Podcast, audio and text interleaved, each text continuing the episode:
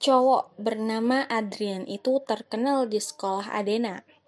Apalagi dia merupakan King of Moss. Namanya pun sering kali dijadikan topik pembicaraan di sekolah dan dikagumi oleh hampir seluruh cewek penghuni sekolah.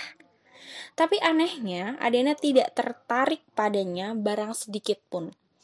Namun tetap wajar jika Adena mengenalnya. Ya, walaupun Adena cukup sadar diri untuk mengetahui bahwa Adrian sama sekali tidak mengenalinya. Mereka berdua pun tidak pernah berbincang sebelumnya, dan kata maaf merupakan kata pertama yang Adena lemparkan pada Adrian. Kalimat misi gue mau duduk pun juga merupakan kalimat pertama yang Adrian ucapkan pada Adena.